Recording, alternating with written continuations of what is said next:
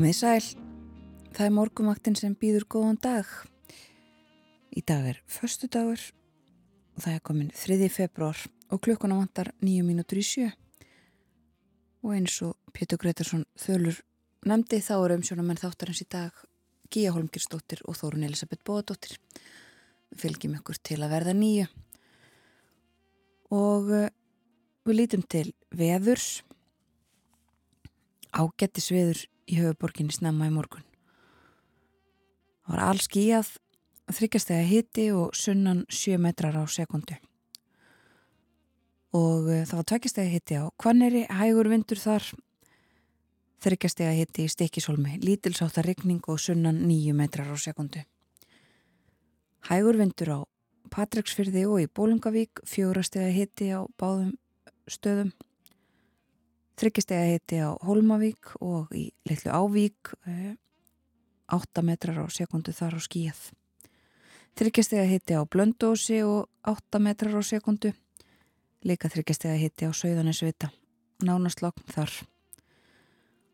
Og einstegs hitti á Akureyri, skíjað og 3 metrar á sekundu, líka einstegs hitti á Húsavík. Einna gráðu frost var á Rauvarhöfn í hægum vindi 5 metrum á sekundu, fjórastega hitti á Skeltingstöðum, 9 metrar á sekundu þar. Heiðskýrt og hitti við frostmarka á Egilstöðum klukkan 6 í morgun. Þryggjastega hitti á Höfni Hortnafyrði, fjórastega hitti á Kvískerjum og einstegs hitti á Kirkjubæjaklaustri klukkan 6. Og það var fjórastega hitti á Stórhæðaði vestmanniðum, sunnan 10 metrar á sekundu þar klukkan 6. Tveggjastega hitti svo í Árnesi og frost á Hálendinu. Tvær, þrjár, sex gráður frostið þar klukkan 6 í morgun. En þá að við erum horfunum. Já, veðurhorfinnar eru svo hljóðandi. Það gengur í söðaustan og síðar sunnan 15-25 metrar á sekundu í dag. Víða rigning, talsverð úrkoma á sunnanverðu landinu um tíma. Það hlínar eins og við heyrðum hérna áðan klukkan 6 voru rauðar tölur. Nánastum allt land hiti verður 3-9 steg setnipartin. Suðvestlegar í kvöld og nótt með kólnandi veðri mm. og á morgunni suðvestan 13 til 18 og jél en þurft austanlands og hægari vindur þar fram eftir degi, hiti um og undir frostmarki og það er auðvitað verðt að geta þess að það er gul veður viðbörun í gildi fyrir daginn í dag. Hún tekur, já, hún byrjar klukkan 12 á hátegi uh, og stendur til miðnættis og hún svona ferðast eitthvað um landið þannig að svona mestmægnis söður, söðvesturhortnið og svo svona færir hún sig yfir á vestferðina og og fjara svo út þegar það líður ákveldið. Já, og við förum nánar svo yfir veðrið uh, á eftir líka, fylgjumst áfram með þessu en það er líka vakin aðtikla á þessum viðvörunum viðstofunar á vef, vegagerðarnar og í tilkynningum þaðan. Uh, annars eru þau bara svona tínast inn tilkynningarnar um, um færð á vegum. Getum þess að uh, það er einmitt óvissu stig á nokkrum vegum vegna þessa uh, þessa veðurs Mósfellsheiði, Hellisheiði og Þrengsli þeir vegir eru allir á, á uh, óvissu stíi á Vesturlandi er ófært á Bröttubrekku og það er snjóþekja eða hálka víða. Krabi og jæljagangur á Fróðorheiði snjóþekja og jæljagangur á Vatnaleið og það er flughált í Skorradal, Lundareikjadal og Ferstikluhálsi. Nú, þetta eru tilkynningar uh, af Vesturlandi og vestfjörðum er uh, minnst á það að það er ófært um dynjandis heiði stemt að því að opna í dag en búast ná við því að hún loki svo aftur síðar í dag, segir hér. Og svo ef við lítum á kortið þá sérst að það eru svona skildi með gröfum eða snjóruðningstækjum á þessu skildiðin á umferðin.is sem er svona uh, vefur vegagerðarinnar. Þannig að það er unniða snjómokstri um allt land og upplýsingar um færið berast síðar og við munum halda ykkur upplýstu með þetta. Já, fylgjast með þessu öllu saman. Það er mist þetta dags frá morgunvaktarinn í dag. Við ætlum að tala um næringafræði, við ætlum að tala um ferðamál og svo ætlum að tala um orkumál. Og uh, segjum ykkur nánar frá þessu hér og eftir. Við förum að hleypa fréttastofunni að. Það eru fréttir eftir fjóra mínútur rúmlega það en uh, við ætlum að hlusta á eitt stutt lag förstudagslag þetta er Nils Sedaka og lagið heitir Another Day, Another Heartache. Another day, another heartache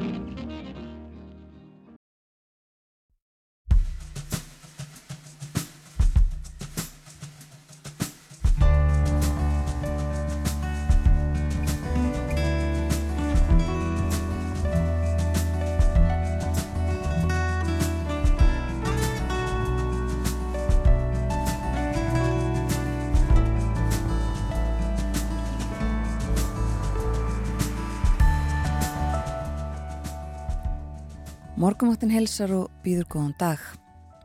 Í dag er förstu dagur, 3. februar og klukkan er fjóra myndur gengin í átta.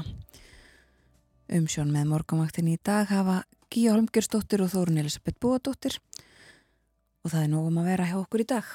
Já, janúar er búinn og því eru margir fegnir en ég hef nú samúð með janúar afmælisbörnum enga síður. Janúar er nú mánuði margra en sumi gera sér þó mánuðin enn erfiðar en ella með því að fara í stránga megrunar kúra og við ræðum ímislegt er við kemur mat, vennjum og næringu í dag og næsta förstudaga. Anna Sigurður Ólastóttir, prófessor í næringafræði verður með okkur og gefur okkur ráðleðan dagskamt af heilbriðum ráðum klukkan hálf átta. Kristján Sigur Jónsson verður líka með okkur að loknum morgum fréttunum klukkan 8. Æslandi er er á meðal umfyllunarefna í dag. Félagið byrti nýtt uppgjör í gerkvöldi sem er það besta í langan tíma. Önnur flugfélag verða til umfjöllunar líka að minnstakosti tvö er að hætta eða draga saman flug til Íslands og tvö lágjaldaflugfélag hafa lagt upp laupana síðustu daga. Og við viljum líka spyrja Kristján um verkvöldin sem að hefjast í næstu viku. Hvernig munu þau hafa áhrif á ferðarþjónustunum? Og að lokum hugum við orkumálum og við fáum til okkar höllur hund loðadóttur orkumála stjóra. Við ræðum fyrirhuga saminningar stopnana innan umhverfis orku og lofslagsráðunitis og tökum stöðuna í vindorku málum þjóðarinnar. En umræðum vindorku mun ánæfa vera mikil á komandi vikum og mánuðum þegar starfshópur um málefnið skila niðurstöðun sínum og draugum að laga frumvarfi. Hún Hallar Hund verður gestur okkar hér á morguvaktinni upp úr klukkan hálf nýju. Einhvern veginn svona verður morguvaktin í dag. Við skoðum auðvitað blöðin og fylgjast með veðrinu og spilum einhverja tónlist. Fyrir mig yfir það sem er á dagskráni í dag og um helgina á landinu. En uh, byrjum á veðrinu. Það spilar stóra rullu í lífinu kannski sérstaklega mikið svona á vetutna og uh, undanfarið mikil tíðindi í veðrinu uh, eftir frekar rólega tíðviðast hverjum landið svona síðustu mánuði síðasta árs. En það er tiltölulega rólegt veður á landinu öllu uh, núna í morgunsárið en svo segir í hugleðingum veðurfræðings það stendur ekki lengi því veður er órólegt um þessar myndir og verður á næstunni. Það er þó ekki óeðlilegt en það erum við nú einmitt stött á þeim árstíma þar sem óveður eru algengust. Í dag gengur í söðaustan og sunnan kvassviðri eða storm Meðfylgir úrkoma sem geti byrjað, geti byrjað sem slitta en fer síðan yfir í regningu og það hlínar með sunnanáttinni. Í kvöld og nótt snýst síðan vindur til söðvestanáttar, það verður enn kvast og það kólnar með jæljum. Á morgun er útlitt fyrir allkvassa söðvestanátt með jæljum og hita um og undir frostmarki. Og á sunnudag er svo aftur útlitt fyrir sunnan kvassviðri eða storm með talsverðri regningu og hlýjendum. Og eh, svo ætlum ég bara rétt að uh, tæpa á veðurspáni eins og hún er núna fyrir uh, næstu viku. Á mánudag kvöss suðvestanátt með jæljum og fristir á þriðjudag suðvestan stormur með snjókomu eða slittu og síðar jæljum og miðvöggudag líkur á að lægð fari yfir landið með breytilegri vindátt og kvössum vindi. Og á femtudag í næstu viku norðvestan stormur með snjókomu engum og norðanverðu landinu Þannig að það er eh, ekki ofsögum sagt að það sé órólegt veður í kortunum næstu dag.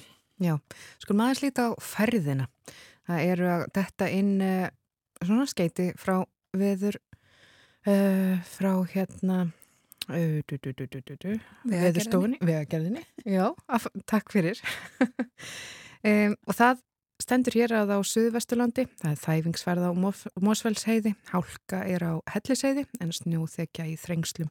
Það er flughált á Meðalfellsvegi og það er óvissustig á Mósfellsheiði og í Þrengslunum og Hellisheiði á milli klukkan 10 og 2 í dag sem þýðir að vegi geti lokað með skömmum fyrirvara og gott að fylgjast með uh, tilkynningum þar að lútandi. Á Verstulandi er ófært á Bröttubrekku, snjóþekja eða hálka víða Krabi og jæljagangur er á fróðarheiði en snjóþekja og jæljagangur á vastleið, eða vatnaleið. Flughált er í Skorradal, Lundarækjadal og á ferjustikluhálsi, ferstikluhálsi. á vestfjörðum þá er uh, ófært um dinjandiseiði en stemt að því að opna hana í dag, búast má við að hún loki aftur síðar í dag. Á norðurlandi er flughálka á þverjarfjalli, snjóþekja, hálka eða hálkublettir eru á flestum leiðum og verið að hreinsa og vegurum víkusgarðið er lokaður. Á norðausturlandi það er ófart á Hófaskarði, Sandvíkurheiði og Hólasandi, þungvartir á Fljótsheiði, hálka víðast hvar á vegum og einhver snjóþekja á skafrenningur. Á austurlandi snjóþekja eða hálka á flestum leiðum og víða kvast. Þæfingur er á nokkrum fráfarnari vegum og hreindir hafa sérst víða við vegi. Uh, Fagri dalur það er þæfingsvarðaveginum og verið að reynsa. En eh, á Suðausturlandi hálkublettir á flestum leiðum og á Suðurlandi er krapi á milli selfos og þjórsar. Hálka eða hálkublettir eru víða á útvegum en greiðfært á helstu leiðum. Þetta voru svona helstu uh, póstar frá vegagerðinni. En ég laði aðeins að lesa hérna upp úr uh, blöðunum, það eru innlendu fréttinnar en fyrst er, er uh, áhugavert að minnast á að það verður ímis mál tekin fyrir í dag, þetta verður tíðinda mikill dagur. Uh, í hérastómi Reykjavíkur verður tekið fyrir mál ríkisáttasemjara um að fá afhengt kjörgagn eblingar og í dag verður líka aðal meðferð uh, klukkan fjögur í dag í máli uh, samtaka atvinnleiksins gegn eblingu um lögumæti verkfalls hótelþerna en það verkfall á að hefjast núna á þriðtægin. Og í dag hefst líka atkvæða greiðsla um verkfall vörubílstjóra og já, nokkur annara hótelstarfsmanna hjá eblingu og það, uh, svo atkvæða greiðsla hefst á háti í dag og stendurum til þriðdags. Þannig að það er nógum að vera á þessum vikstöðum. En hérna fyrir fram er ég með morgunbladið, það er mynd úr miðbæ Reykjavíkur en það var vetrarháttíð að hún hófst í gær og hér er mynd af upplýstri Hallgrímskirkju og öllítið svona snjókur sem að falla þarna fyrir fram að leinsuna greinlega. En á fórsíðum morgunblaðsins er líka fjallaðum, já, kjara deilutnar og þar er sagt að meðalaun í ólíakstri séu um 900.000 um, og það er svona verið að efast um að, að já, og það er sagt hérna Solveig Annars í brjóstvörn fyrir háleina hóp fara fram á tvöfald meiri hækkan en hótelstarsfólk þetta er svona uh, svona vingill inn í kjara deilutnar sem eru núna og eru já, í algjörum hnút En svo kemur hérna líka fram á í fréttablaðinu, við skulum kíkja aðeins í fréttablaðið. Á fórsíðu fréttablaðsins kemur fram að það er niðurskurður hjá Háskóla Íslands. Grípa þar til hagraðingar í rekstri Háskóla Íslands vegna minni fjárveitinga á ríkisjóði og segir Jón Alli Benediktsson, rektor, það verða áskorun. Nefndum hafi fjölgað í heimsfaraldrinum og það hafi komið á óvart hvað stjórnvöld voru fljóta að draga fjárveitingar tilbaka. Og hann segir hér að óbreytti sjáum við fram á niðurskurði háskólakerfinu í heildsinni, segir Jón Alli. En á næsta ári er gert fyrir frekari samdrætti í fjárveitingum til skólans og svo er ítalegra viðtal við rektor Háskóla Íslands inn í blaðinu. En uh, á fórstíðu fréttablansins er líka mynd eins og alltaf, það er gaman að rýna þessar fréttamindir og að þessu sinni er það bæjastarsmenn Seltjarnanis sem eru þarna að grafa frá niðurfalli og þeir eru þannig að vaða í, já, djúpum potli og, og bílar að keira þarna í gegn. Svona var ástandið í gærum. Það er nú allt öðru síg í dag. Já, uh, þó líklega töluverð úrkoma á sunnaverðu landinu um tíma í dag þetta, uh, og það hlínar en, en svo kólnar eins og við fórum yfir þetta uh, það er bara vonandi að að það farið þá allavega svona mest af þessari þessum snjó eða þessum, þessari úrkomu sem að er á gödunum. Það er ekki gaman ef að það fristir uh, yfir of mikið af þessu. Það verður uh, hættulegt ástand. Já, þá mun skapast þessi hálka sem já. er svo ofbústlega varasum. Ég held að sé ágætt að kannski vara við því að það er mikil hálka mm. uh, í þessu ástandi núna. Það var mjög hálkt að ganga um að minnst okkarstu snemma í morgunni í höfuborginni. Já. En þú myndist á vetrarháttíð, vetrarháttíð er hafinn uh, á, í öllum sveitafélögum höfuborgarsvæðisins, þau taka sig öll saman og, og eru með ímislegt á dagskráni, uh, það var hófst í gæri, er í dag og á morgun. Á morgun lögadag og við skoðum kannski nokkra dagskráliði hér í þættinum í dag. En ætlum að spila lag sem að tengist þessu í kvöld á bókasafni Garðabæjar það er sérstætt einn stærsti hlutin af vetrarháttíð er, eh, er sapnanótt og hún er í dag eða kvöld öllu heldur. Og í kvöld á bókasafni Garðabæjar munu koma fram eh, söngkonan Rebecca Blöndal og Áskir Áskirsson gítalegari þau ætla að breyta bókasafninu í jazzklub og leika ljúfa jazztóna í bland við eigin tónlist. Og eh, ætlum að heyra í Rebekku, uh, þetta lag af plötu sem hún gaf út í fyrra uh, platan heitir uh, Ljóð og þau eru þarna bæði Rebekka og Áskir líka Mattias Mór Davíðsson Hemstokk og Sigmar Þór Mattiasson. Lægið heitir With You og heyrum það. With you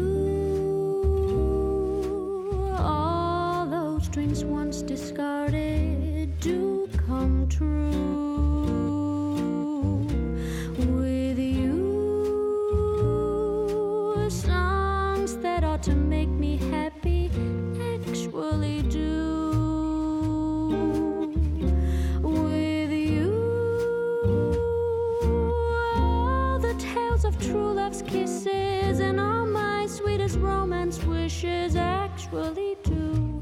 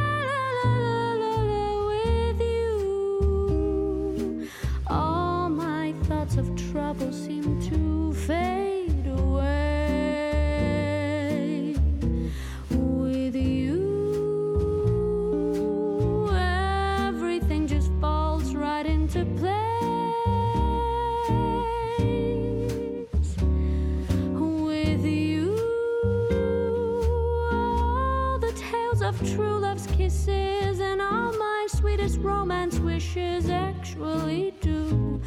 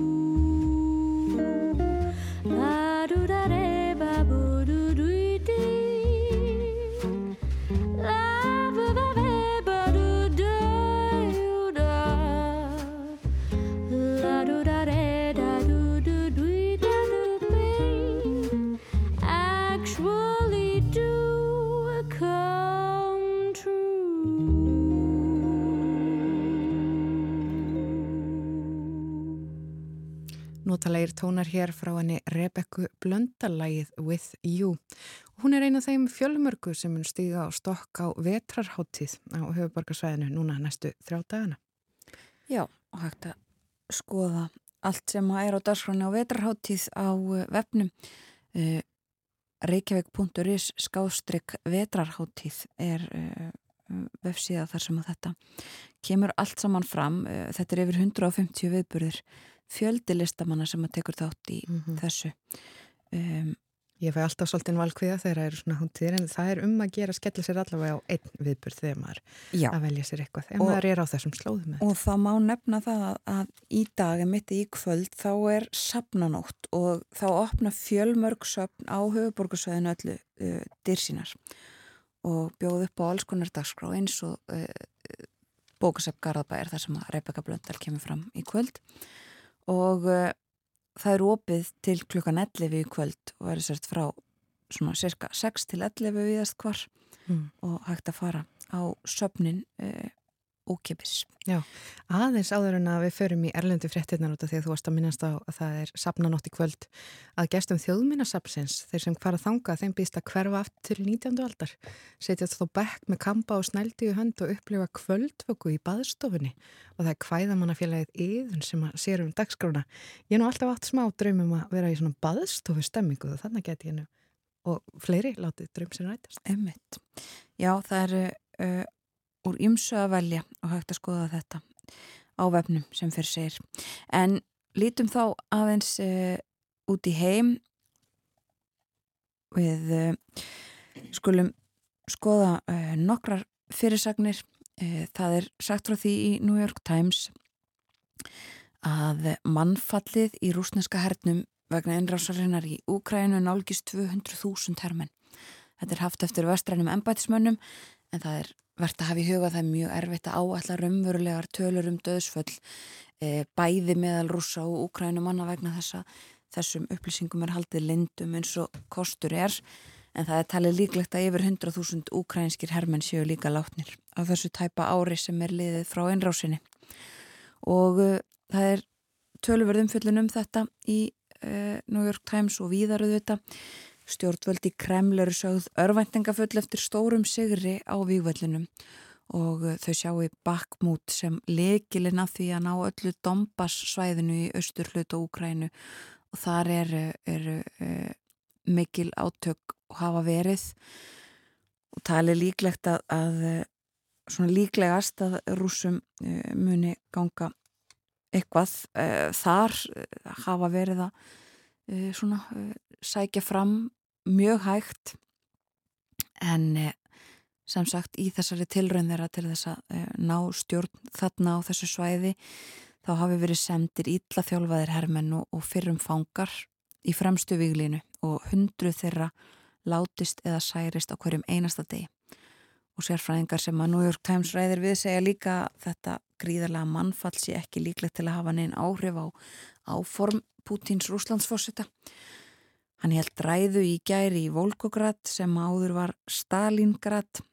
Þar var verið að minnast þess að 80 ár væru frá eh, sovjeskum sigri þar í borg gegn nazistum. Þar að segja að það var dagurinn þar sem að tablið snýrist við eftir langan tíma.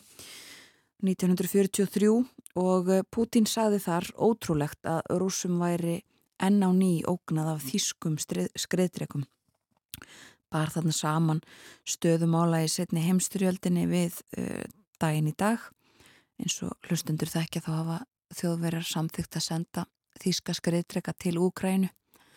En uh, aftur og aftur þurfum við að verjast yfirgang sem í Vesturlanda, saði Putin og jáfnframt að rústar væru ekki að senda sína skriðdreka að landamærum Þýskalands en þeir gætu vel svarað í sömu mynd.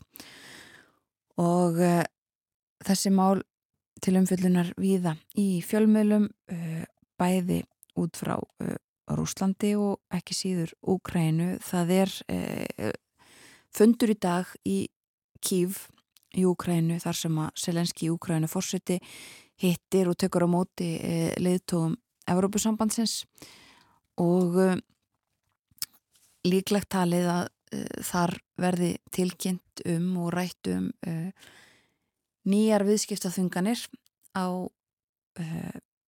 ímis rúsnesk ímsa rúsa bara og rúsnesk rúsnest hagkerfi en talið líka að Európa-sambandsleðstjóðanir muni dempa vonir Úkrænumanna um skjóta engöngu í Evrópusambandið. Úkræna sóttu um aðelda Evrópusambandinu um, eins og hlustendur þekkja.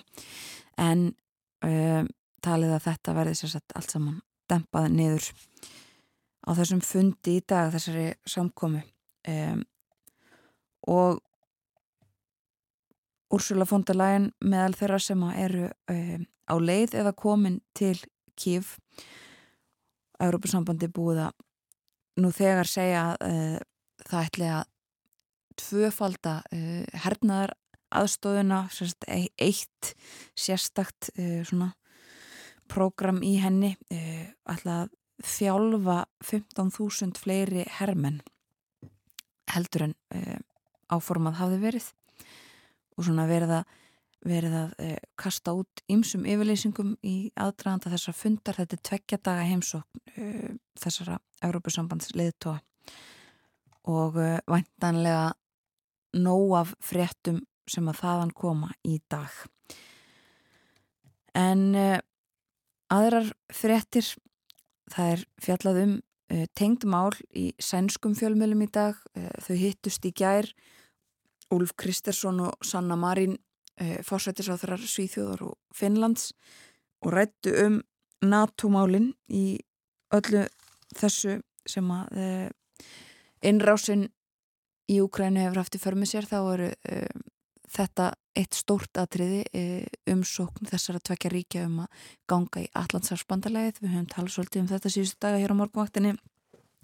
Og þau hittust og heldu fund eh, í Stokkólmi í gær til þess að ræða þetta stöðuna sem uppur komin að Tyrkir ætla sér ekki að hleypa svíum inn í Allandsafsbandalæðið og sagt frá því er á fórsíðuna og dagins nýhettir eh, svona greining á því að þetta NATO hafari eins og það er orðað á fórsíðunni þar geti verið og reynst hættulegt fyrir nýja stjórn í Svíþjóð. Já. Við segjum ykkur frekar fréttir utan úr heimi ef að tilefni er til og eh, eftir því sem þær berast svona í uh, morgunsárið það lefnaða rétt í lókin að bandaríkjumenn segist verið að fylgjast með uh, kínveskum ja, uh, njósna njósna blöðru sem að fannst yfir bandaríkjunum kannski meir um þetta og eftir en kannski heyrum við eitthvað af þessu í frettæfileitinu sem er næst á dagskrá og svo snúum við aftur hér á morgunvattin eftir nokkrar mínútur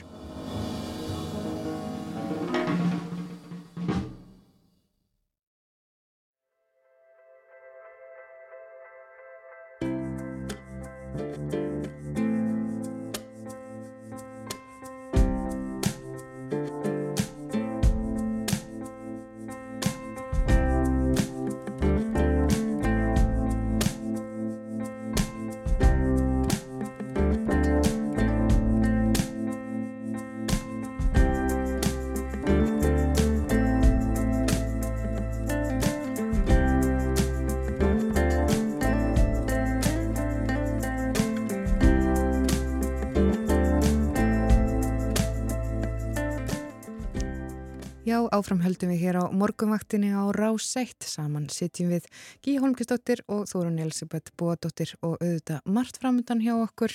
Við ætlum að tala um ferðamálinn eins og svo ofta á förstutugum og svo í lok þáttar þá kemur til okkar orkumálastjóri, Hallarhund Lóadóttir. Við ætlum að fjalla eins um orkumálinn saminningar á stopnunum og, og þetta já, stóra mál sem er framöndan, vindorkuna og málefni þess. En núna út í allt annað.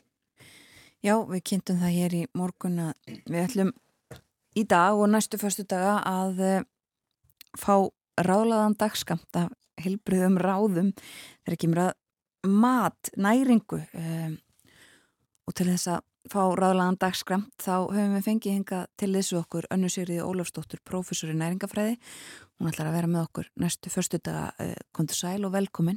Takk, takk, gaman að vera með ykkur. Gaman að fá þið til okkar uh, og Við ætlum að tala um, ég nefndi það hérna snemmi morgun, að það eru margir fegnir að janúar sé búin og ég sagði það að margir gera sér mánuðin kannski enþá erfiðari með því að e, taka upp á því að fara í einhverja svona stránga megrunarkúra eða e, já, svona setja sér einhverjar miklar hömlur í mataræði. Við viljum að tala eins um, um þessi mál, við viljum að byrja á þeim, við tölum nú um ímislegt hérna en byrjum þarna. Já, ég, hérna, ég er nú búin að vera í sko í haldar fjórðung og þetta er, og, og öruglega sko ennþá lengri en þann tíma þá er þetta svolítið þetta að við tökum alltaf nýja árið með trombi, við erum ekki fyrirbúin að sko tæma ískápin af hérna jólavarningnum en að það má bara helst ekkit fara inn í hann. Já. Og hérna, mér brá nú svolítið sko að það voru eiginlega valla komin mánamót, þá eru núna sko páskaækinn komin í sölu sem er kannski stærsta merki þess að janúars í búin, mætti segja sko. En, en, en hérna, þetta er, þetta er ofsalega flókið og kannski þetta að við skulum alltaf vera elda einhverja tískuströma. Og, og, og þarna margir svona kannski okkur að fara og frætt á stað í staðin fyrir að bara í raun og vera hægt og rólega að reyna að huga að því að, að sinna mataræðin alla jafna. Já.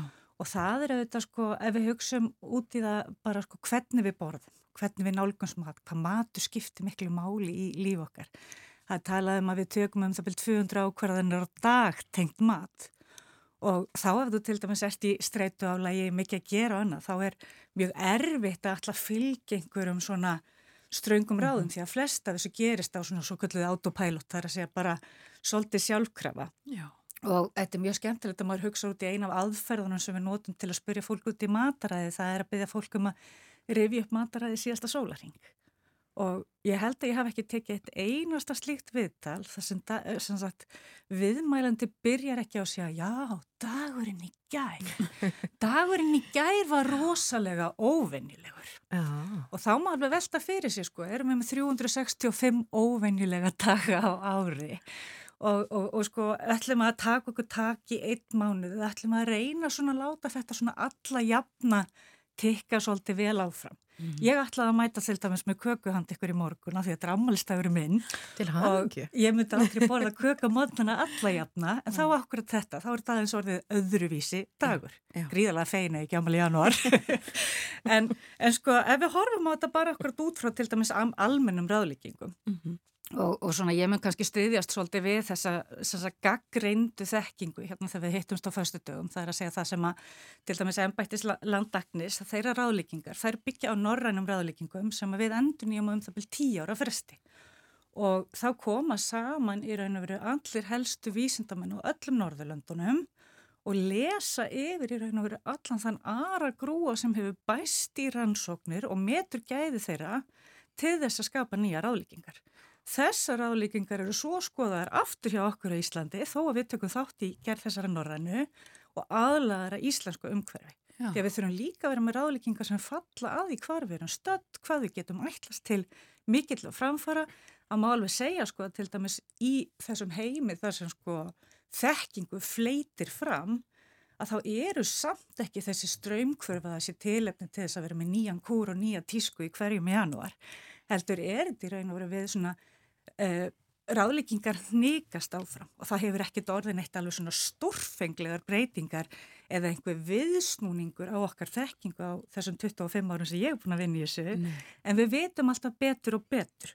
Og það er kannski líka þetta að fylgja ráðleggingum að sko flestir er ekkert að gera. Ég veit ekki eins og hvort allir þekkja ráðleggingarnar. En ef við segjum þetta með sko fyrsta ráðleggingin er bara að borða fjölbreytt fæði í hæfilegu magni það að hugað fjölbreytninni er gríðalegt leikilatri þannig um leið og við byrjum á þessu janúar að hendur lút Já. þá er það bara strax farið.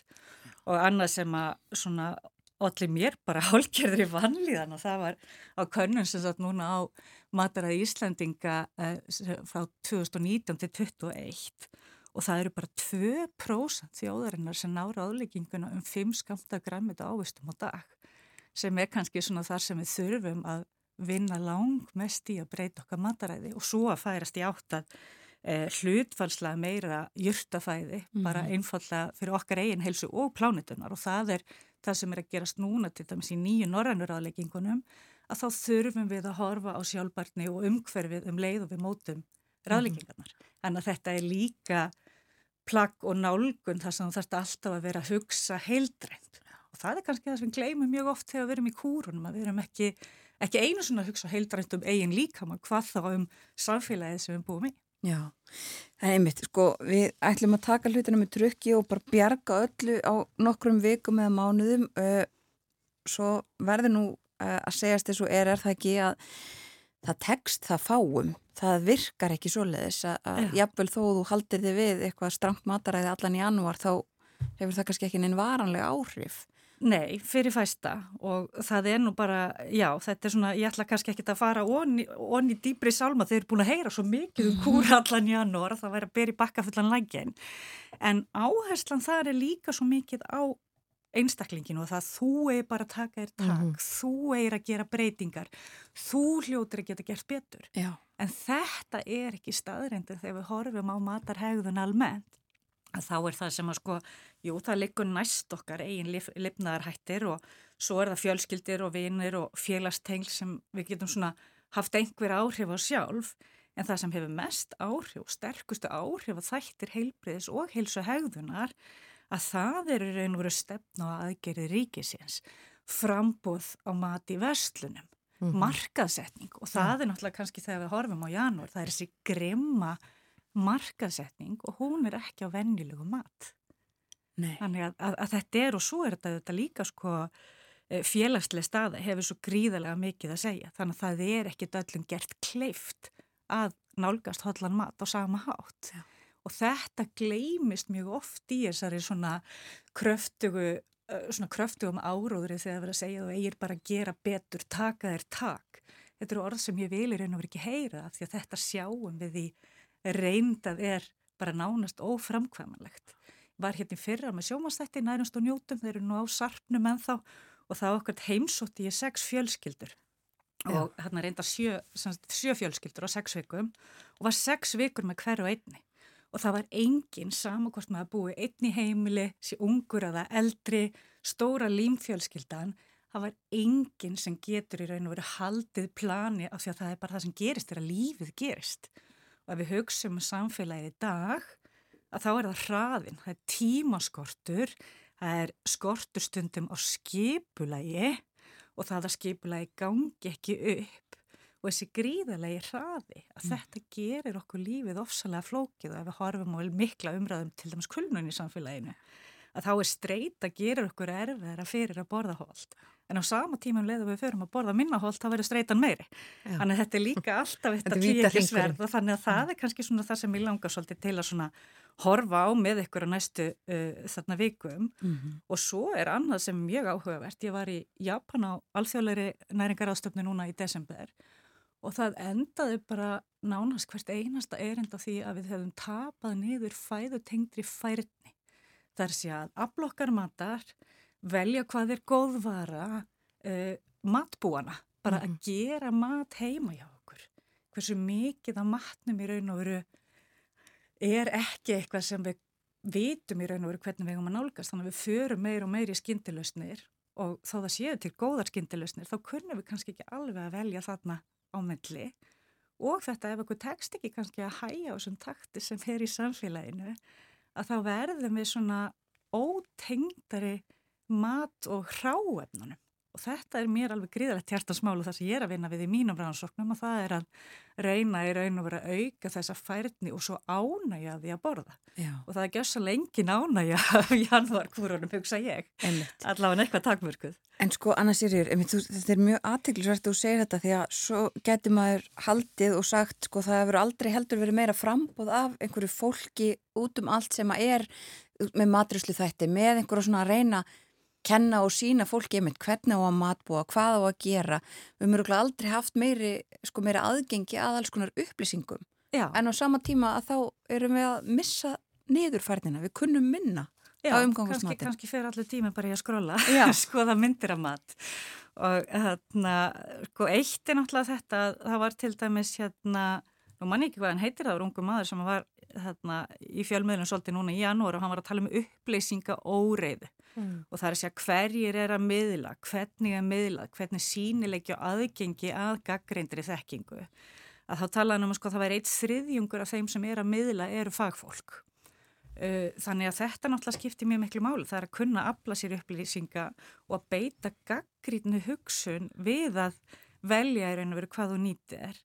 En sko ég hef ekki skoðað þetta kannski nógu mikið með samfélagsmiðla hegðunin og hvað þú gerir ef við horfum á sko þekking færist yfir í viðhorf sem svo breytist í hegðun að þarna þá sjáum við til dæmis mjög, mjög skemmtilegt til að segja svona grein um sko þróun matreiðslubóka. Já. Og ef við horfum á matreiðslu bækur á meðan konur voru meira heima og þarna, voru, það voru þetta leiðbeininga bækur. Já. Myndirnar voru ítarlegur, skýringamyndir, mm -hmm. það var ítarlegur texti, þú bara gast fyllt þessu frá aðtilu. Við höfum ekki tíma til þess í dag kannski, við lesum minna, við viljum hraðmeldara, þannig að núna er þetta kannski hraðmyndband sem að má taka hámark tvær mínútur.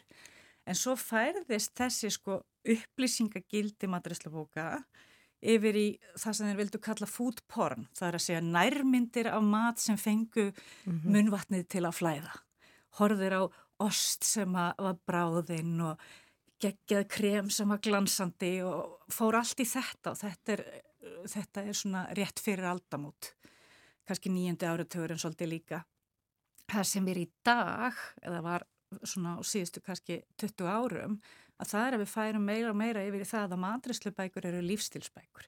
Þú horfir á fallegt fólk, gæða sér á fallegu mat, þú ert að horfa á borðbúnaðurinn, þú ert að Mhm. horfa á borðið, þú ert að upplifa einhverja nánd og tilvist í kringum matin og þú er kannski meira að fletta bókinni heldur en að eldurborinni. Já.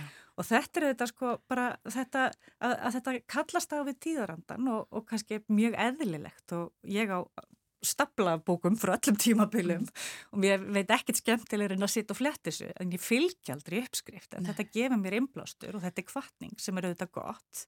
Já, en kannski einmitt á sama tíma kallast þetta kannski á við þess að þú varst að segja með hraðan í samfélaginu Já. og þetta við höfum ekki endilega heldur tíman til þess að við skoðum þessa bækur og, og það kannski bara gerur okkur ennþá leiðar yfir því að við höfum aldrei tíma til þess að elda upp úr þeim eða, eða Já, gera neitt, já, þetta er flókið. Og, og þannig að sko okkur það, það er mjög áhugavert að sjá þetta þá í samfélagsmiðla samhenginu Já. líka.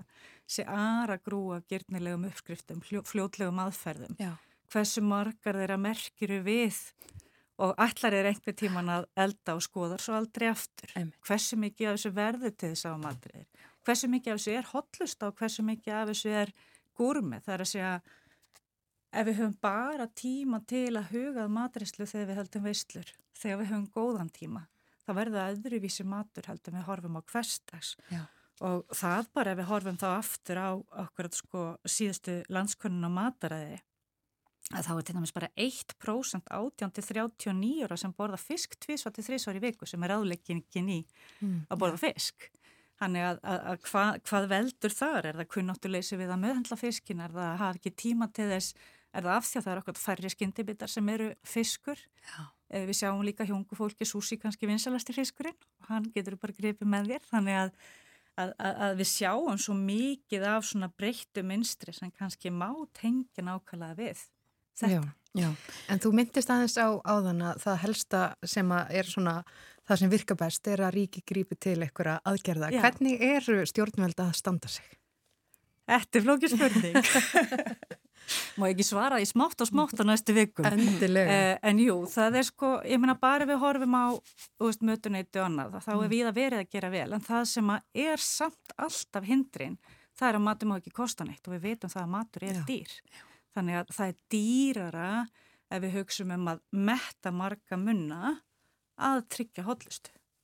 Og það er í raun og ákveði flækistig sem við þurfum bara stöðugt að vinna í og reyndar ef við horfum á skólamat þá er það líka, það er tíminn sem er á skortum skamti sem að hefur áhrif á svo hvort að bönnin á að borða matin sem svo er borin fram sem hefur líka heilmikið að segja.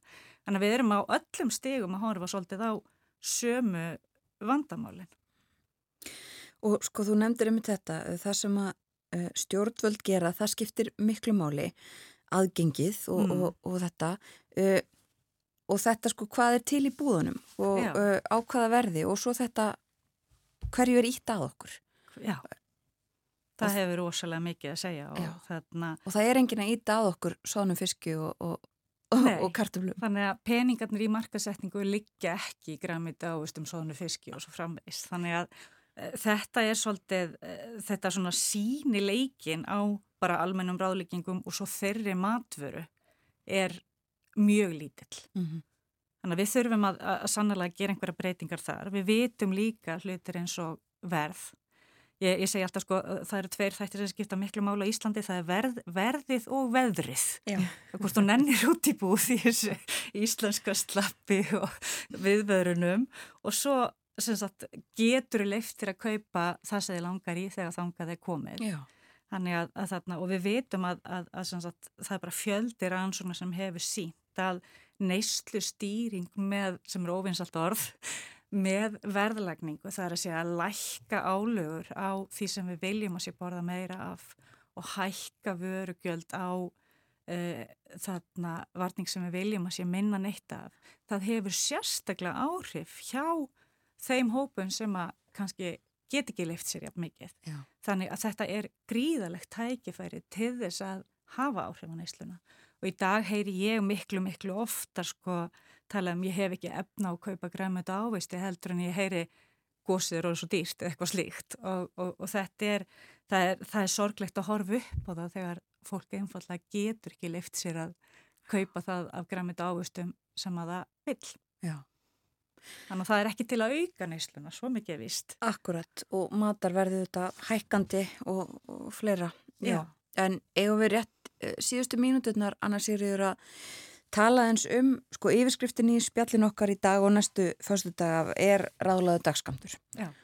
Eigum við að tala um það uh, hvað það er. Já, sko svona ef við horfum bara skilgreininguna ráðlega dagskamt, þá er þetta í raun og veru tala sem er nótu fyrir vítamin og steinefni. Við nótum þetta ekki fyrir orkuefnina því að þarna það er tölum við frekar um viðmöðunagildi og svo erum við með, eins og ráðlíkingarnar okkar, þær eru fæðu miðaða ráðlíkingar því við borðum matin ekki næringarefni og þarna, eða, eða við hugsum oftast ekki um, er, er þetta kolvetni fyrir eða prótin sem ég er að borða. Við erum að velja mat og það er miklu auðveldar að ráðlíkja á þann hátt og eðlilegra. Eh, ráðlega dagskamtur, hann er gefin upp sem meðaltal fyrir daglega við lengri tíma og fyrst og fremst til að geta skiplagt matseðla fyrir hópa eða skoða stöðuna hjá völdum hópum. Þannig að það er líka svona stundu þegar við horfum á markasetningu á ráðlegum dagskamti. Ráðlega dagskamtur er sko herri en þarf flestra einstaklinga en hann er of lár fyrir aðra. Mm. Þannig að þetta er, þetta er bara kurva sem er teiknu og það má segja að það eru nánast allir sem er að fá nóg eða meir en nóg að þau ná 100% ráðlegum dagskamti. Og það er alveg að þá, þá er þetta svona tala sem er svona eitthvað viðmiðnagildi, þetta er svona svolítið eins og við heyrum oft tala með BMI í, í, mm -hmm. í mhm. umræðinu um líkanstingtastuðulinn og, og holdafar að, að þetta, er, þetta er hugtak sem við þurfum kannski ekki alla jafna að nota neitt mikið. Ég efast um að þið viti hvað þið þurfi mörg mikrogrömm eða milligrömm eða grömm af hinnu og þessu á dag og það væri ekkit eðlilegt kannski fyrir ykkur heldur að hugsa þannig því að þá verður flæðið í kringum matin ekkit mjög eðlilegt en það skiptir til dæmis máli og það er bara eitthvað sem við getum kannski talað um í næstu vik og það er til dæmis eins og með D-vitaminnið af því að það er svona eina fæðu bótar efni sem allir þurfa að taka af því að við fáum ekki nóga því og mat þannig að mm. það er mm. ekki hægt að hafa það svona beitt inn í fæðu miðum ráðlíkingum. Eh, er er D-vitamin sem einhvers konar D-vitamin gjaf eða lýsi. Þannig að þarna, að þá, þá, og þá er ágætt að vita sko, það er til dæmis og það ef við horfum á ráðlega dagskamta að þeir eru mismunandi eftir við, hvort við erum með, e, að, það getur aldurinn, kynið e, og svo framvegis haft áhrif. Já. Þannig að, að það þarf svona svolítið að það er okkur að horfa líka á viðminn fyrir sinn aldur en þau eru ekki algild. Nei. En við ætlum svona að vera svona kannski á þessu svona okkur að horfa þetta svona mest fæðu með það þau svo ég. Já. Þannig að þetta verður kannski ráðlega þetta skattur að fræðslun sem þau sögðu frekar en, en að við haungum í tölum yfir RTS. Já, akkurat. það væri kannski ekki mjög út á svænt svona heldur Nei. snemma á mótnana. Eh, en ég kannski benda bara á okkur að þeir sem vilja afla sér meiri upplýsinga að, að þá þarna er, svona ennbætti landlæknis er með Eh, næringaráleikingarna sínar undir Ísland.is, það er komin í síða næring eh, bandstrykk ráleikingar bandstrykk landlæknis og þarna, þannig að þetta á alltaf vera orðið aðgengilegt og það eru allir bæklingar á PDF og svo framvegis og hægt að grúska í ráðlegu dagskamdónum. Já. Takk fyrir dag, Anna Sigurður Ólafsdóttir, professor í næringafræði. Við ætlum að ræða um þessi mál á förstu dugum næstu vikurnar ráðlega dagskamtur í hverju viku. Takk fyrir í dag. Takk, takk.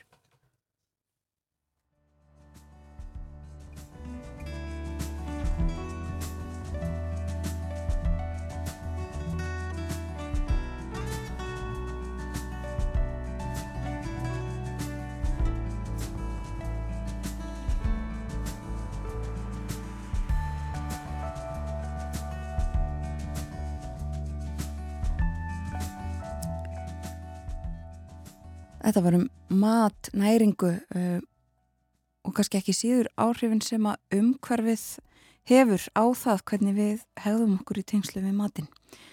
Það skiptir miklu máli uh, hvað við sjáum, hverju er ítt að okkur, hvað við sjáum í búðunum og ekki síður hverju við höfum efni á. Anna Sigurður Ólafsdóttir, professor í næringafræði, uh, fór yfir ímislegt sem að þessu við kemur og hún verður með okkur næstu förstudagsmótna að ræða ímislegt uh, í tengslum við mat og næringarfræði. En það líður að morgumfréttum þær koma klukkan átta, það eru sex mínútur í þær, nokkrar auglýsingar fyrst og eftir fréttinnar þá verður Kristján Sigurjónsson reittstjóri túrista með okkur. Við fjöllum um uh, meðal annars flugfjölög, Æslandi er, þar gengur uh, betur en í töluverðan tíma og uh, önnur flugfjölög sem eru að draga saman eða eru hreinlega farin á hausin meirum þetta hér á eftir. Og svo í lókþáttar verður Hallarhund Lóadóttir orkumálastjóri með okkur. En nú er komin tím til að leipa auglýsingum og frettum að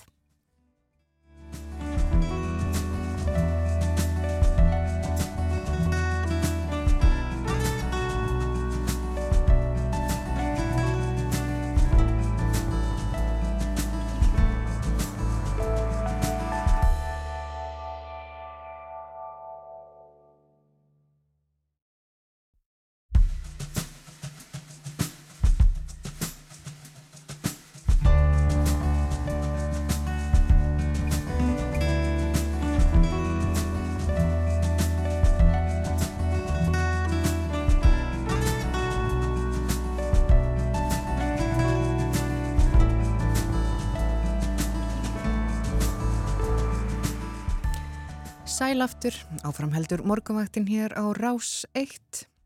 Það er förstu dagur, 3. februar og klukkan, já svona tæplega 6 mjöndur gengin í nýju. En uh, við vorum hér áðan með ráðlagan dagskamt.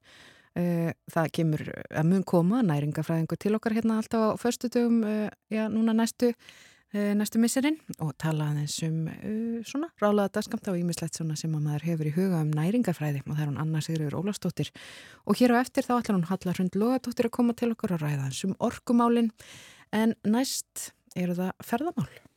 Já, Kristján Sigurjónsson er með okkur annankvæmt förstu dag og við ræðum svona það sem efstur á baui í ferðamálum hverju sinni og það er nóg að gerast núna eins og svo oft. Góðan dag Kristján. Góðan dag. Við ætlum að byrja á að tala um Æslandir. Við sáum það í fréttum, það var að byrtast uppgjör frá Æslandir um, og veðrið spilaði inn í uppgjöru hjá þeim. Já, það er ótt að segja það. Félagið skilaði hvað réttum, eða þess að tapið af rekstrinu var tæplega 800 miljónir í, í fyrra og, og félagi var síðast réttum með við núlið árið 2017 en það kemur fram með mitt í þessu uppkjöru að, stjórnendur Æsland er meta tjónið vegna ófærðarinnar og reykjarnisbraut fyrir jólin upp á um miljard króna. Þannig að, ef allt annað hefði verið óbreytt þá hefði þessu félagi verið kannski reykjað með hagnaði í, í fyrra og þá í fyrsta sinn í fimm ár ef ekki hefði komið til þessa ástands á, á Reykjanesbröndinni. Þannig að þetta er mjög áhugaverð í sjálfu sér uh, tilkynning um, um þetta mikla tjón og, og en svo verður mann líka hafa í huga að stjórnendur Æsland er brúðust auðrísi við en, en, en uh, þau sem ráða ríkjum hjá Play, því Play feldi nýður miklu fleiri ferðir en Æsland er þarna daginn fyrir óveðrið sjálft. Þannig að það var svona tekin önnur ákvörðun hjá Play en hjá Æslandir og, og það voru því aðalega farþegar Æslandir sem voru fastir í leifstöð þarna dagana fyrir jól. Þannig að þetta er svo sem eitthvað sem er, er kannski ekki alveg svo einfalt að skella bara skuldin á lokun Reykjanesbröðar. Það er svona fleiri þættir sem spil inn í. Einmitt, já. Og það skiptir líka máli hvernig flugfélögum bregðast við. Það er ekki bara þetta skella skuldin á Reykjanesbröðinu og lokunina þar. En Þú nefndir það Kristján já, uh, hverjar tölunar voru uh, en sko þessi ársfjórðungur sem að verið var að uh, tilkynna um í gær, hann gekk samt ágætlega er það ekki? Jú, það kemur fram tilkynninguna að þetta hafi verið besti í oktober, nóvember og desember í, í rekstri félagsins síðan 2015 þannig að það var óhætt að segja það, það hefur þá gengið mjög vel en, en, en svo er margt annað áhugavert í þessu uppgjöri, það er til dæmis kemur fram að, félagi borgaði samtals 51 miljard króna fyrir þótuelsniti fyrra. Uh, til samanburðar sko namn launakostnaðurinn 42 miljardum, þannig að félagi borgaði miklu meira fyrir elsniti á þótunar en, en, en í laun til starfsfólks uh, árið 2019, ef við lítum svona sem nokkuð eðlilegt ár fyrir heimsfaraldur, þá var þetta öðruvísi, það voru launin mest í kostnæðarliðurinn og þar á eftir kom þótuelsniti, þannig að, að eftir innrás rúsa í Úkræni þá náttúrulega hækkaði verða ólíu uh, gríðarlega og, og það kom ítla niður á, á flugfélagunum en, en á móti kemur að það tókst svona að velta töluverðu yfir í, í verðlægið, við fundum það nú öll og við höfum nú rætt á morgunvættinni að, að, að verða á flug, flugmiðum var óvinni hátt kannski í, í sumar og hefur verið í svona stærsta hluta síðast ás og, og það skrifast náttúrulega gríðarlega mikla eftirspurn eftir að landamæri opnuðust almennilega þá hefur fólk já, verið mjög ferða glatt og, og, og flugfélagin hafa því geta rukka miklu meiri náður þannig að það vegur upp á móti þessu háa olíverði. Já, akkurat. Það hefur sitt að segja. Er eitthvað, fleiri svona fréttir eða eitthvað tíðindi úr uh, þessu uppgjöri? Það er nú oft svona ímislegt sem að kemur fram í þessum uppgjörum.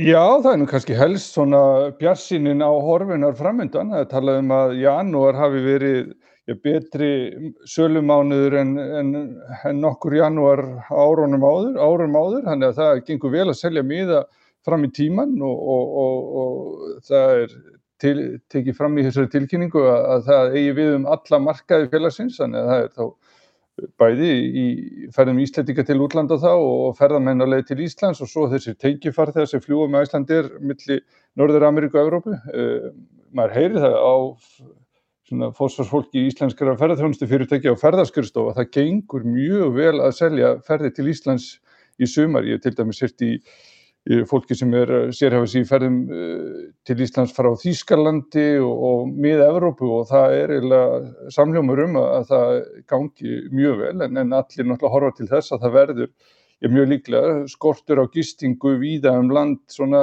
í, í lokvetrar. Það er að segja að þeir, þeir sem vilja þá ganga frá ferðin fyrir sumarið til Íslands að, að það verði erfitt fyrir fólk að finna þá lausa gistingu við, við ringvegin. Já, einmitt það. Akkurat og það er eitthvað sem við líka auðvitað höfum rætt og munum líklega að ræða áfram. Þau málu öll sumul. Já, þetta lítur ekki út fyrir betrumbætur á þessu á, á næstu árum því miður. Nei, einmitt. En þetta var af Æslandir, við ætlum líka að tala um uh, önnur flugfélög. Það eru frettir að berast af, af svona tíðundum frá öðrum flugfélögum sem að hafa verið að fljúa uh, til og frá keflauguflugulli. Um, United er eitt þeirra og þar eru breytingar í vendum. Já, heldur betur. Það flugfélag hefur flóið til Íslands frá New York daglega, frá voru og fram á haust já, síðust ár. En nú ákvöðu stjórnhundu félagsins að bara láta gott heita og alltaf ekki, þrátt fyrir að hafa verið með þessa ferðir í, í sölu, að þá verður alltaf flugfélagi ekki að fljúa til Íslands frá New York í sumar og hérna, og það fást nú yngar almeinlega skýringar frá flugfélaginu sjálfu en, en af, af samtölu mínu við sko sölustjóra United síðasta ár þá hefur við greinlegt að, að eftirspurnin eftir þessum, þessu Íslandsflugi hefur verið mikil en, en, en og líklegast skrifast þessi svona óvænti niðurskurður þá ekki á minni áhuga á Íslandi heldur frekar bara á skort á flugvelum. Eh, það hefur komið fram til dæmis í, í, í viðtölum við eh, fórstjóra bandarískar flugfélaga að það eh, líti út fyrir að afkastagetan verði ekki kannski í takt við væntingar í sumar. Það skortir flugvelar og, og flugmenn og, og flugumferðarstjóra og það megi svona almennt búast við að það verði einhvern frekari niðurskurður á sumar áallanum bandarískara flugfélag og þetta er kannski bara svona dæmi um, um það að þarna missir keflaguflugullur um 30.000 sæti og það er munar, munar að minna, þetta eru hérna, verðmættir farþegar því bandarískir ferðmenni eða miklu á Íslandi og, og United flugfélagið var annað tveggja sem bauð upp á svona fín sæti fremst í flugvelunum sem hérna margir, já, mikil ásókn var í, þannig að hérna, þetta er eh, svolítið högg fyrir ferðarþjónustun að missa þessu og svo allar ungarska flugfélagi Visser að skera ennþá meira niður Íslandsflugið. Við höfum talað um að Visser allar ekki fluga til Íslands frá Feneyjum og Napoli í, sumar og, og nú datt út uh, flugið frá London, þannig að þarna er niðurskurður sem, að, sem að maður átt ekki alveg vona á. Nei, eru sömu ástæður þar að baki? Það er bara eins og oft aður að það er ómögulegt að fá eila flugfélag til að tjá sig um eitthvað neikvægt þannig að þau svara mér engu um ástæðu þessa en, en, en það má rekna með því að, því að þarna séu um eitt skortur á flugfélagum kannski að gera félaginu erfitt fyrir og, og þá kannski verið að færa uh, umsöfin á aðra áfangastæði þar sem betur gengur. Vissir er að auka til dæmis tölursflug til uh, hérna miðausturlanda og þess aftar þannig að það er kannski bara eitthvað annað sem er komið í forgang en, en, en, en uh, það er alveg auðljóst að Airbus og Boeing flugvelaframleðendunir uh, hafa eiginlega ekki undan að, koma nýjum flugvelum út á markaðin og, og þetta farið að hrykta í stóðanu víða því margir að býða spenntir eftir að fá nýju flugvelunar. Já, akkurat, en þetta er eitthvað sem er ekki líklegt til þess að hafa áhrif á íslensku flugfélögin eða hvað? Þau eru ekki að, býða eftir neinum vélum eða neitt slíkt? Play ætti að vera komið sínar fjórar sem að eiga bætast við en, en, en það er spurning með Æslandir hvort allar nýju Boeing þóttunar, Max þóttunar uh, komið til landsins á réttum tíma en ja. félagið á náttúrulega gamla þóttur sem, geta, svona, geta, sem hægt er að nýta til að hlaupa í skarði ef, ef ég les stuðuna rétt. Já, einmitt. Þannig að það verður ekki stort vandamál uh, fyrir, fyrir þau félög í sumar að minnstakosti en uh, sko, svo er það líka ennþá fleiri fréttir sem við fáum af flugfélögum sem þó kannski er ekki að, flyt, ekki að flytja fólk til og frá Íslandi en þó bara á síðustu dögum uh, borist fréttir af hvað tveimur flugfélögum sem eru farin á hausin Já, uh, fyrst hitt breska Flybe sem að hérna var hérna fókusar helst á innanlandsflug í Breitlandi. Það félag fór á hausin fyrir viku síðan og, og svo á mánudaginn þá fór norska flugfélagi flýr sína síðustu ferð. Það félag fór í loftið í lók júni 2021, alveg svo play, en, en, en eftir 19 mánuði í loftinu þá er, er, er, er félagi farið í þrótt og, og fjárfærstar lögðu samtals sko 20 miljardar íslenskar króna í félagi, þannig að það það fóru, þetta tapaði miljardi í, í hverju mánuði þetta félag og, og, og rekstinu stóð sem sagt aldrei undir sér og, og það er náttúrulega mikil umræðum þetta í Nóri og sérstaklega sko er, hefur viðskiptapressan þar verið að rýna svolítið í hluthafa og séð að það voru náttúrulega svona stórlagsar í, í, í fjárfæstingageiranum í, í Nóri sem keiftu alltaf í félagin í hlutafjár útbóðunum sem voru haldinn reglulega en en þessir letur sér nú eiginlega alltaf hverfa mjög fljótlega og að selja brefin sín og, og það eru sagt, stóri taparinn er, er sagt, litli fjárfestirinn eins og við talaðum í Nóri það hafi þessir já, hobby fjárfestar sem voru að veðja og félagi myndi ná að rýsa upp að nýja það er sítið eftir með, með tapið. Já, einmitt það. Og við ætlum að ræða hér að síðustu Kristján uh, stöðuna í ferðarþjónustunni hér á Íslandi út frá verkföllum sem að hafa verið bóðu, það er búið að samþykja uh, verkföll hjá uh, hótelum Íslands hótela, þau eiga hefjast í næstu viku og svo er að verða að greiða atkvæði um uh, fleiri verkföll á öðrum hótelum.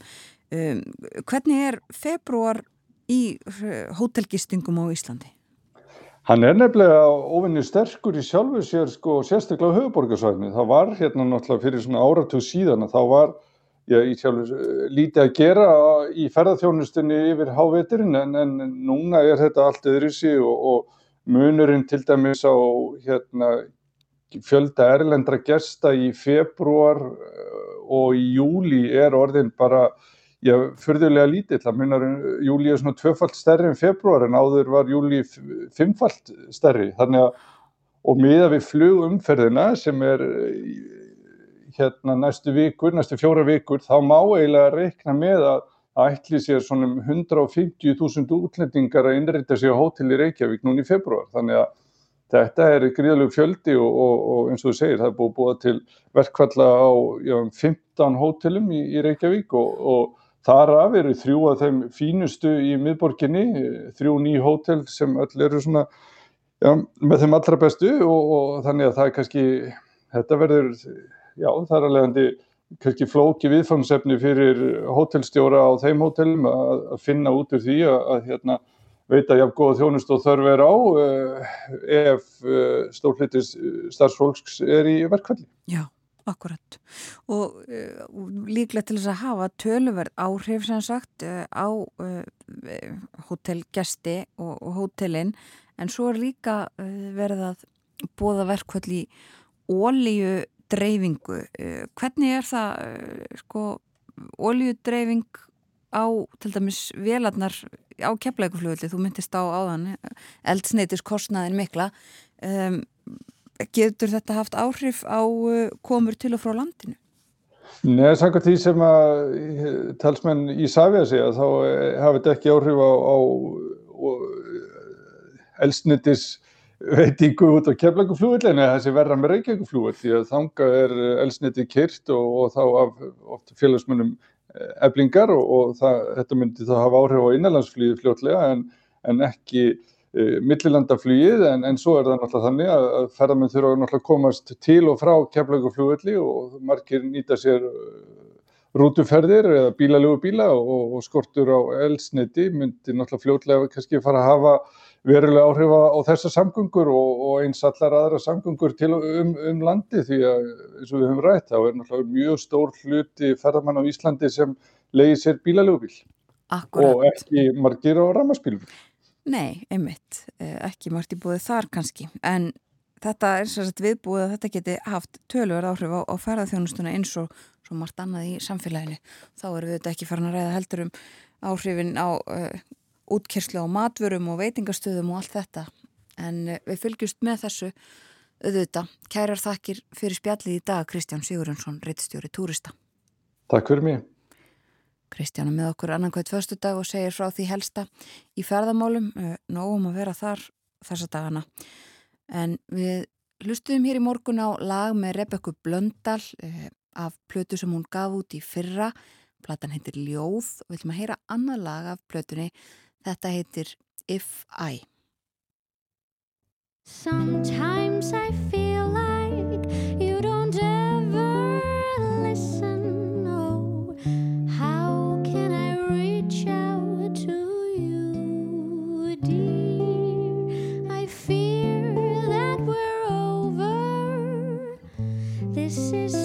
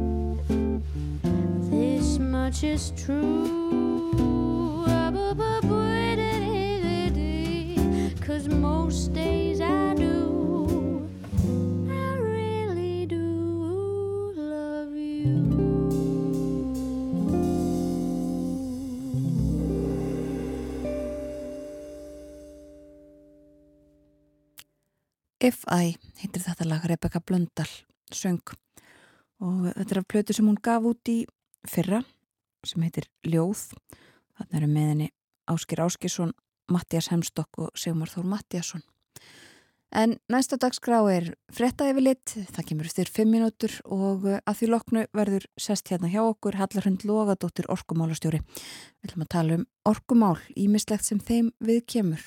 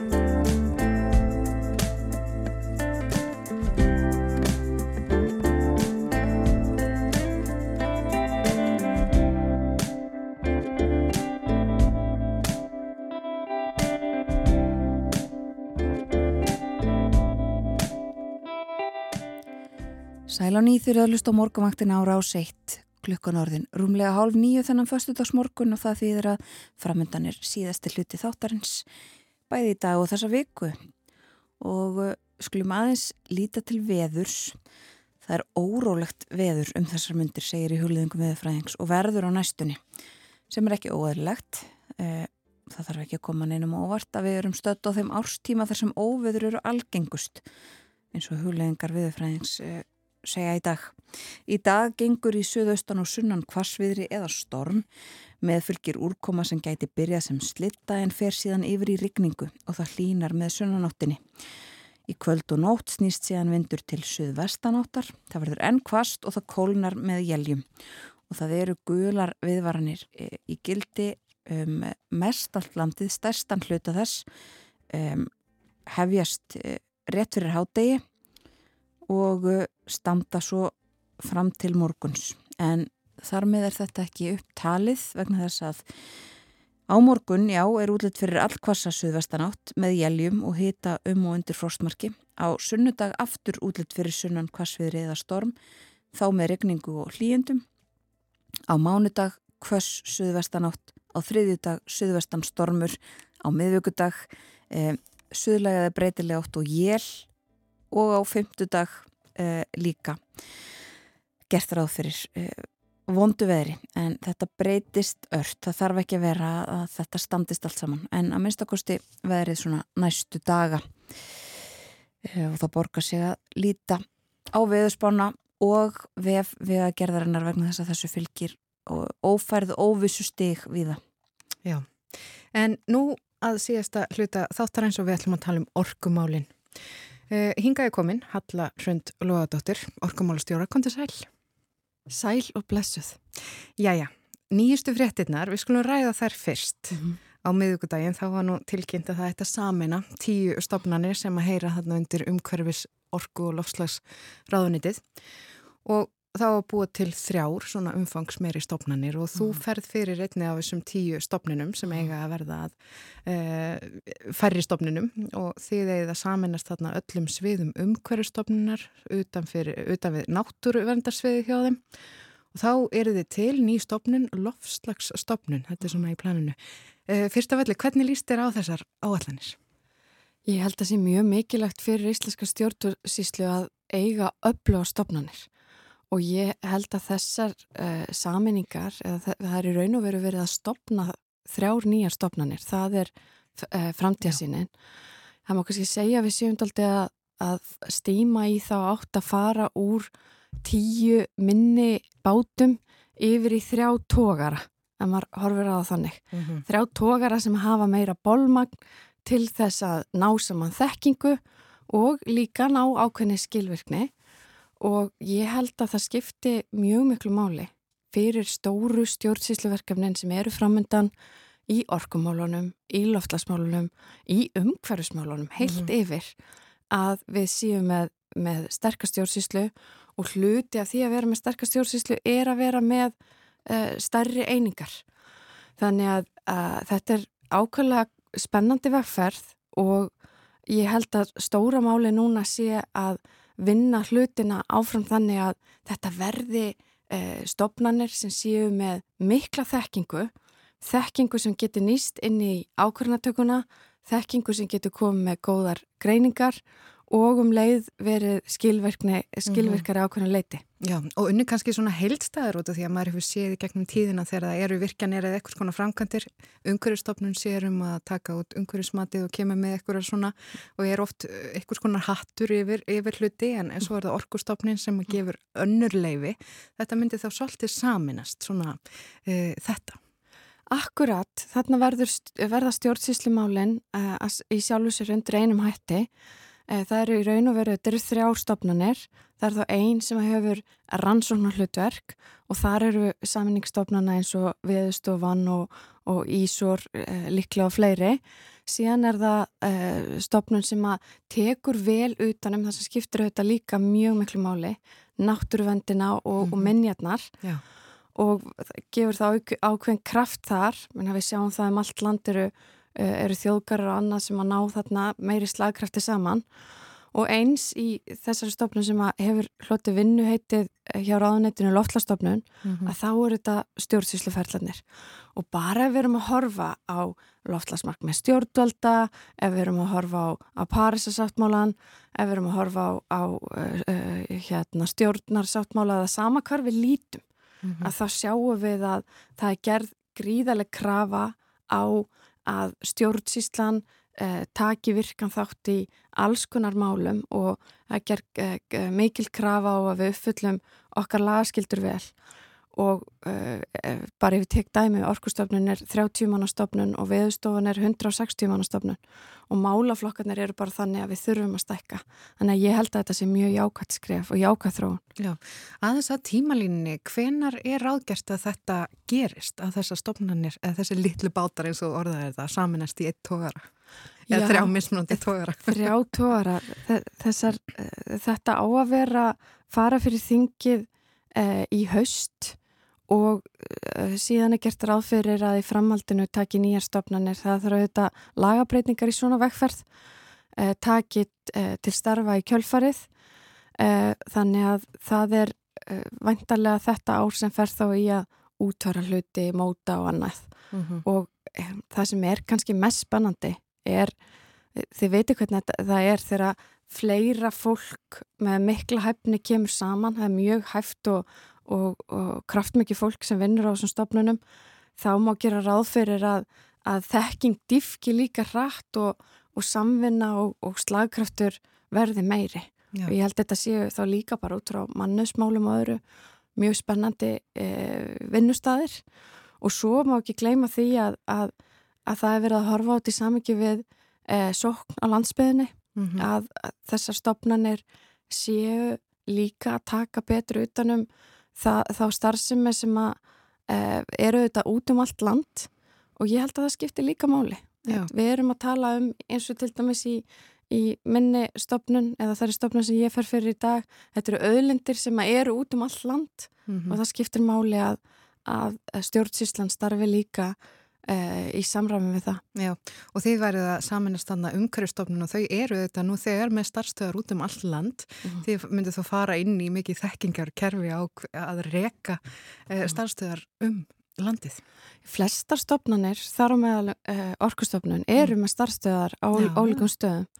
Þannig að það múi segja að, að þær, þessar þrjár nýju stopnanir sem að er verið að móta umhverfstofnun fer þarna í, í, í, í tvær stopnanir þjóðgarnir saman og veðustofan og fleiri Mm -hmm. úrverða þessir þrýr nýju tógarar og það má kannski segja að, að já, uh, því uh, fylgir tækifæri á því að sigla uh, vitt og breytt um, um, um landið og miðin Já, ágætist tógara líkingar og sjómanna líkingar hérna hjá okkur.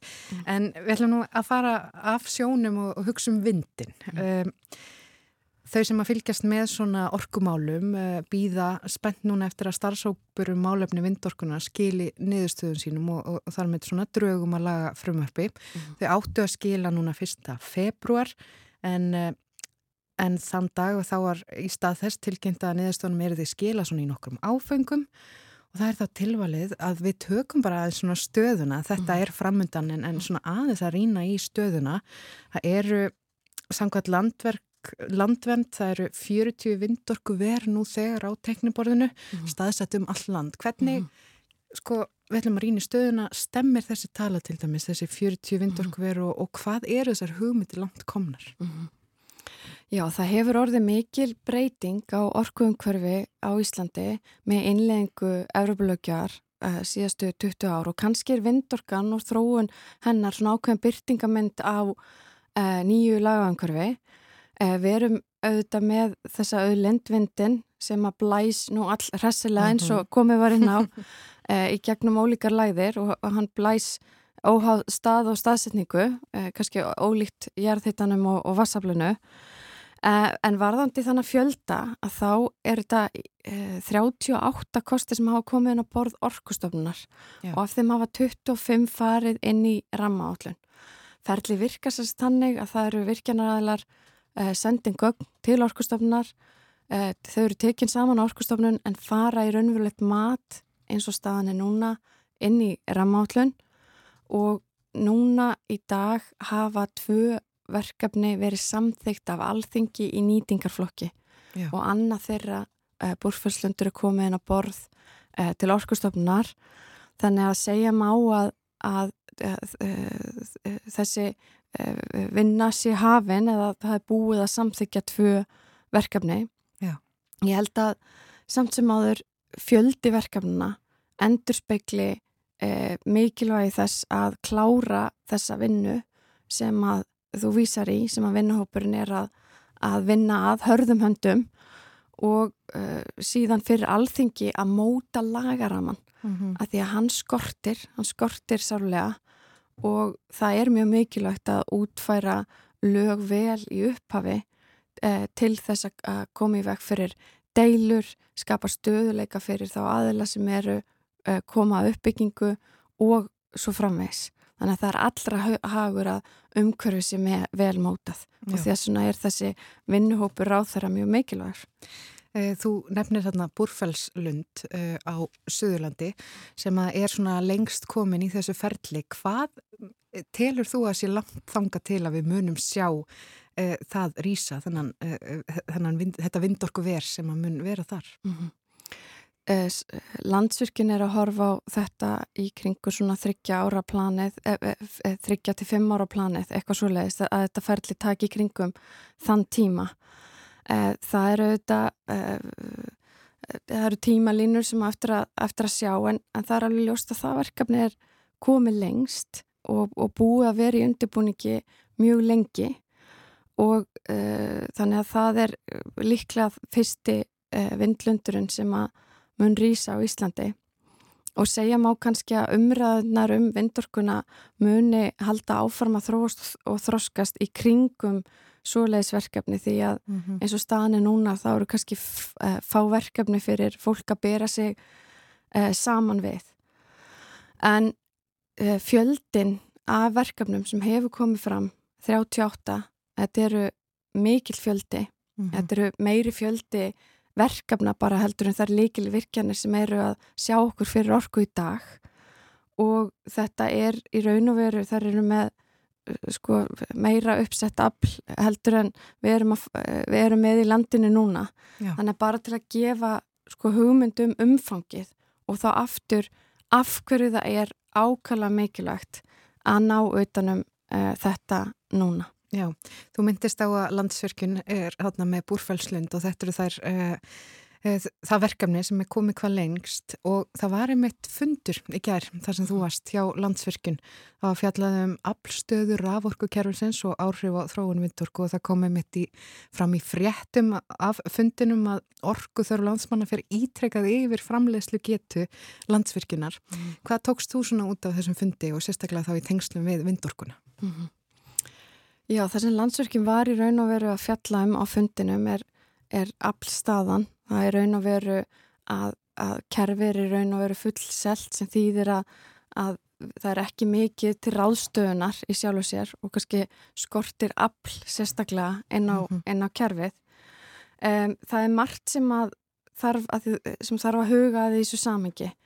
Uh, það er mikil eftirspurn eftir ráorku og það má gera ráð fyrir að hún haldi áfram. Eh, það er, eru átök í Úkrænu, það þýðir að, að það er, hafa verið vandraði á meilandinu varandi orku mál mm -hmm. og það mhm. skila sér í eftirspurning hinga heim. Eh, öll ríki hafa sett sér loftlagsmarkmið þannig að varan græn orka sem að var kannski við hugsaum mikið sem svona verðmæta, hún er að verða sífelt verðmætari. Hún er ólíja okkar tíma og framtíðarnar og þar að leiðandi má gera ráð fyrir því að það verði skortur, þar að segja skortur er skilgrindur sem umfram eftirspurn, meiri eftirspurn heldur en við getum selgt, að það sé kannski ákveði viðvarandi ástand sem við munum sjá í framtíðin að því við munum uh, líklega geta selgt alltaf alla þá orku sem við, við framleiðum. Já. Þetta er svona, ég var að hugsta á leðninga, þetta er svona pínu eins og að maður hugsa um uh, fókbóltalegin Frakland, Argentína að þar var eflu skortur á sætum á leikvanginum og þörf á að, að, að bregðast við því og ef að skipleikendur bæta við sætaröð til að bregðast við þessum skorti mm. þá líklega seljast þau sæti upp, hefðu þau sæti selst upp og þá er aftur komin skortur. Þannig að við þurfum doldið að vanda orðalag Já. að e, það má gera ráð fyrir því að, að, að virkjanir munu byggjast áfram upp en við skulum líka gera ráð fyrir því að spurningin um að, að það sé alltaf meira eftirspurn heldur við getum mætt að það muni sífilt meira mæð á henni. Mm -hmm. Þannig að, að, að endingu mun uh, þetta alltaf snúast um hversu mikið á að framlega hverju sinni sem eru auðvitað líka pólitiska spurningar og síðan í lokuður aforkukerfi uh, hvernig á að ráðstafa þessum takmörkuðu gæðum. Mm -hmm. Þetta eru takmörkuðu gæði og og auðlindanýting á orkumálum hefur auðvitað líka áhrif að aðra þætti. Já. En nú er það með vindin, þó hann blási nú mikið á Íslandi. Já. Það blæsa hann ekki alltaf. Mm. Þannig að eh, hvernig, til dæmis ef það eru vindorkuver, uh, þau eru áallega að, búa til ákvæmna orku en, en, en svo blæs ekki og þau bú ekki til nóg. Mm. Kemur þá landsverkun inn í það? Hvernig verður þetta? Frábær spurning. Ég held einmitt ef við værum bara að trista vindorku, Já að þá væri nú slemt að það væri ekki vindur í kortunum því að þá væri eh, engin raforka og þess vegna eru hérna virkar þetta í raun og veru þannig að hugsun er svo að þegar vindurinn blæs ekki að þá komi eh, annar orkugjafi á móti. Í Evrópu eru við til dæmis ofta að tala um gas sem að kemur á móti, kemur þá inn þegar það er logn eh, en á Íslandi er verið að horfa á eh, vassablega jarðhitta Og þetta er, þetta er bara dæmi um hversu ól, eðlis ólíkar auðlindarnir okkar eru. Vatniði og, og jarðheitin eru svona stuðugjur orkugjafar og meðan að vindorkan er þessi sem að blæs og, og svo er logn. Þannig að þú spyr hvernig þetta þarf að fara saman. En svo staðin er núna þar sem þetta vassablið að koma á móti vindorkunni þegar, þegar það er logn. Og það þýðir að uppbygging vindorku krefst þess að það sé til uh, orka á móti úr mm -hmm. vassabli og jarðhita. Og það sem að var verið að fjalla um á fundunum í gær var uh, svo staða að það er mjög takmarka til til þess að mæta uppbyggingu vindorku. Það eru þessi verkefni sem að búið er að samþykja en það er ekki mikil rýmt í kerfinu til þess að mæta stórum uppbyggingar áformum. Þannig að þetta eru dæmi um hluti sem að vindorku hópurinn er að horfa á hvað hva í tímalindnar, Mhm. hvernig hægt er að, að horfa á þetta uh, ásamt alls konar öðrum þá, þáttum eins og varandi hagkvæmni. Uh, þannig að þegar þú horfir til dæmis á hagkvæmni vindorku þarfst að taka hva, kostnaðin við vindorku, uppbyggingu vindorkunar og líka hvað þessi orka kostar Já, samanlagt þannig að það, það, er, það er margt sem mæðir á útfæslum hér Akkurat. en aftur mikilvægt að gera það vel Sko, við erum búin að minnast á það að landsverkjun er komin lengst í því að, að, að það verði hérna til vindorku ver. En svo eru líka svona enga aðeila sem fara kannski svolítið pínu löglega baktiraleið og kaupa kannski jarðir í sveitafélagum og það er hérna í Dalabið til dæmis langt komið verkefni um, á hróðnýjarstöðum og líka í landi sólheima þar. Um, það eru þetta mjög skipta skoðanir í sveitinni meðal íbúa og svo bara í sveitarfélagi, í sveitarstjórn og þannig. Um, sko, ég ætla nú ekki að fara eitthvað ítalega, það eru þetta hvert sveitarfélagi er svolítið að móta sér sína stefnu í þessum málum en Mhm. mér langar að tala um tröst, Mhm. svona ferli og þetta er eins og um smávirkjanirnar. Mhm. Það er þetta tröst almennings á að kerfi virki. Mhm. Er þetta ekki eitthvað sem að þessi starfsópur þarf líka að, að, að koma inn á að það er að skapa tröst um kerfið? Akkurat, það er leikil mál þess vegna að framtíðasínin sé skýr og það er leikil stefar í allri auðlindanýtingu á að umgjörð sé skýr og að uh, þetta sé ekki bara spurningum hvað gerst í dag, heldur hvernig uh, stjórnvöld sjá uh, það fyrir að eitthvað muni byggjast upp eða ekki byggjast upp eða með hvað hætti á einhverju lengra tímabili. Orkustofnun í dag er ferli þannig að verkefni eiga að fara í gegnum rammaállun. Mm. Þannig að þú þart að fara í gegnum það ferli. Þú ert að tala um verkefni sem að hafa, það hafa verið átökum það hvort að vindurinn sé skilgrindur þar en þau verkefni sem hafa verið samþægt hafa verið farið í gegnum ferli rammaállunar og rammaállun þá hún hana með í gaggrina fyrir að vera þunga í vöfum og hún er ekki fullkomi tæki fremur en öll mannana verk að þá er hún kannski það tæki sem að gefur það að þú getur tekið einn ólík sjónamið og metið dreyið saman ólíka kosti og galla, ólíka orku kosta og svo framvegs. Þannig að orkustofnun hefur lagt áherslu á að sé mikilvægt að, að það sé sama ferli um alla orkunýtingu. Það sé ekki verið að, að búa til sér kerfi í kringum eina orkunýtingu versus einhverja aðra og við aldrei að horfa heilt yfir á auðlindirnar okkar þegar við erum að horfa á orkunýtingu til lengst tíma. Já. En ég held að, að, að gegnsægi og skýr sín í skiplagsmálum skiptir greiðlega miklu máli upp á tröst. Það hvernig við útfærum auðlindamódel skiptir miklu máli upp á tröst og þetta skiptir sérstaklega miklu máli núna þegar við erum að fara úr uh, breytingu í kerfi það sem, sem hefur verið fyrst og fremst á herðum og ofinbera yfir í uh, fjölbreyttara eignarhald. Mm -hmm. Þá er mjög mikilvægt að vanda til verka og við sjáum það bara þegar það hafa verið deilur kringum fiskaldi, það hafa verið deilur kringum argskonar auðlindanýtingu að það er langt best að við náum góðri sáttum hvernig hlutinir eru ger gerðir frá upphafi. Það er erfiðar að breyta þegar við erum komin út í miðja á. Já, akkurat. Eh, við getum eflust talað um orkumáli í bara, já, allan dag en, en, en það er að koma að lokum hér í þessum þætti. Takk fyrir eh, komin á að spjallaðans við okkur Halla Hrund Lúadóttir, orkumálastjóri og gangiði vel í þínum starfum. Þú sem takkir. Takk fyrir mig.